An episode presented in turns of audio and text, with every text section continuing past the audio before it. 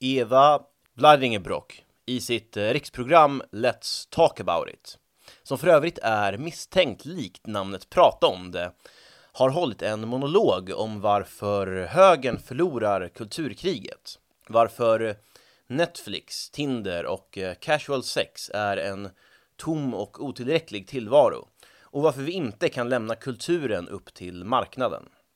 Jag kommer börja med egna rants i den här podden och den första kommer att handla om Evas kritik mot den moderna tillvaron.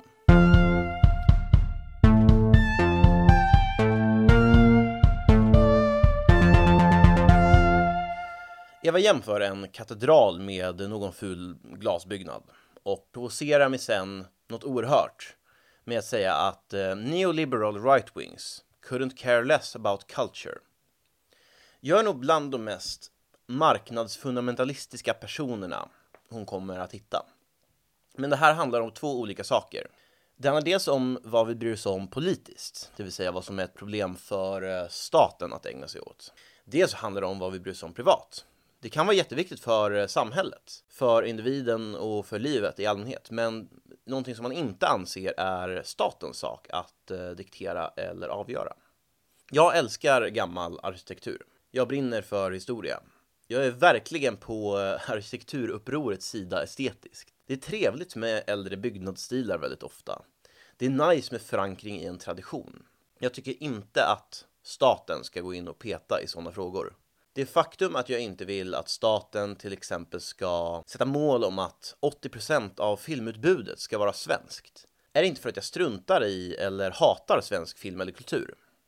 Det är för att om den ska kunna vara livskraftig i nuet och inte bara i kraft av historia eller idealisering så måste den kunna stå på egna ben. Framförallt inte behöva att man tvingar människor att eh, betala för dem och försöka styra utbudet. If you live in a society where people know nothing about where they're from and what their roots are, then who are you gonna leave it up to? The left. And what do you get? Netflix shows that glorifies suicide, pedophilia and anti-white sentiments. Så säger hon alltså blir konsekvenserna om man lämnar kulturen upp till marknaden. Okej, det finns mycket att plocka isär där. De exempel på Netflix-shower hon listar upp representerar knappast någon eh, modern norm. Övergripande så är serierna folk tittar på idag betydligt normalare än så. Hon har ju en poäng i kritiken mot kulturen idag, framförallt woke-delar av den, även om de inte utgör en så stor del som hon får det att låta som. Problemet är att kritiken är lite klyschig, riktar sig mot fel sak egentligen, och att problembeskrivningen är typisk för varför högern förlorar kulturkriget snarare än en väg ut ur att förlora på det sättet. Grejen är att mycket i en modern tillvaro är rätt tomt, eller verkar meningslöst, eller hedonistiskt. Bara handla om njutning för stunden. Det stämmer förstås att livet kan vara mycket djupare än så. Det är verkligen inte någon ny insikt. Eller more to the point, någon unik insikt för Riks. Hela Sverige debatterade det här för drygt ett år sedan efter Joel Halldorfs artiklar om liberalismens och individualismens tomhet. Redan Durkheims anomibegrepp adresserar det här. Ordet hedonism kommer i grunden från eh, samma debatt i det antika Grekland. Människor lockas ofta till enkla, omedelbara njutningar. Och det är inte alltid så fel. När hon beskriver att half your money goes to your one room apartment låter det som någonting väldigt negativt. Men hon beskriver samtidigt att någon som har råd med en TV med the highest resolution possible, streamingtjänster, dejter, Uber Eats. Det slår mig som lite perspektivlöst att framställa det här som dystopi. Materiellt och på andra sätt till följd av det materiella så har vi det ojämförligt bättre än vad bokstavligen alla hade det förr. Det är liksom nothing to sneeze at. Det är lätt att tro att tillvaron var så mycket mer fylld av mening förr. Men var det liksom när, när det var en hel familj som delade på en lägenhet och skilsmässa var i princip otänkbart om äktenskapet var olyckligt. Och topprioriteten var att få pengarna att räcka till basbehoven. Jag vet inte. Hon har definitivt rätt i att livet kan vara mer än Netflix och Uber Eats. Att till exempel djupa vänskapsband, kärlek, känsla av tillhörighet och att ha ett syfte är mer varaktiga och djupa saker att grunda tillvaron på än bara de där sakerna. Problemet är att Netflix, Tinder, Casual Sex eller Uber Eats inte är dåliga saker heller och inte aldrig behöver stå i någon motsättning till det förra. Folk väljer sådana saker för att det är nice. Det är inte heller så att alla saknar djupare band eller syfte för det. Det här är varför jag vill låta marknaden styra.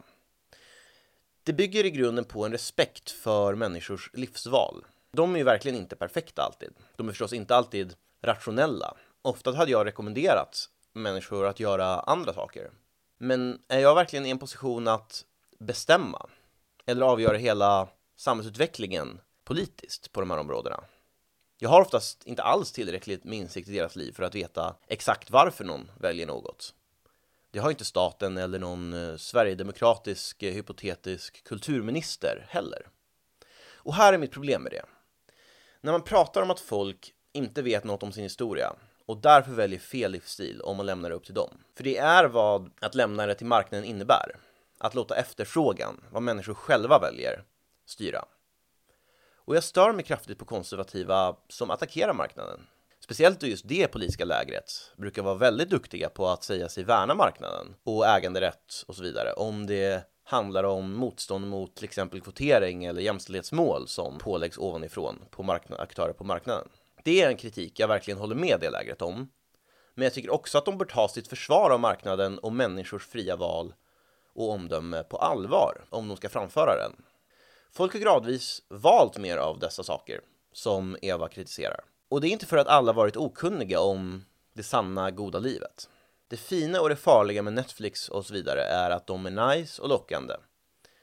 Ibland har en stel hemmakväll eller ett påtvingat julfirande med släktingar som du kanske inte brukar umgås med inte varit lika lockande.